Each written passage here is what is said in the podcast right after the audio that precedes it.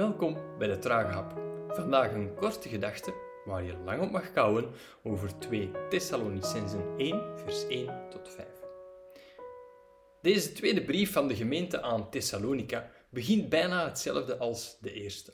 Paulus roemt de gelovigen. Hij zegt dat hij in andere gemeenten vol trots over hen vertelt. Deze mensen zijn namelijk trouw onder de vervolgingen en verdrukkingen die ze meemaken. Ze zijn standvastig en trouw, zegt Paulus. Hun geloof groeit sterk en hun liefde voor elkaar wordt groter. De gelovigen in Thessalonica worden geroemd om hun trouw, geloof en liefde.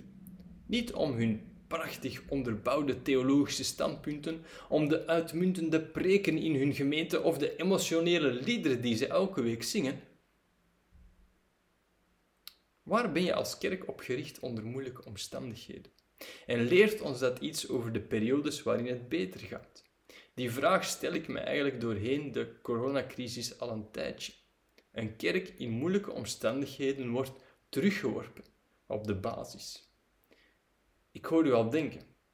Bedoelt die vlegel nu dat wij geen theologische standpunten, uitmuntende preken of emotionele liederen meer nodig hebben? Wel, daar gaat het mij niet om. Het gaat meer om dat de basis moet primeren. Liefde voor elkaar is belangrijker dan een theologisch dispuut over randzaken. Als je die discussie gewonnen hebt, maar de liefde verloren, dan ben je alles kwijt. Kou er maar verder op. Smakelijk.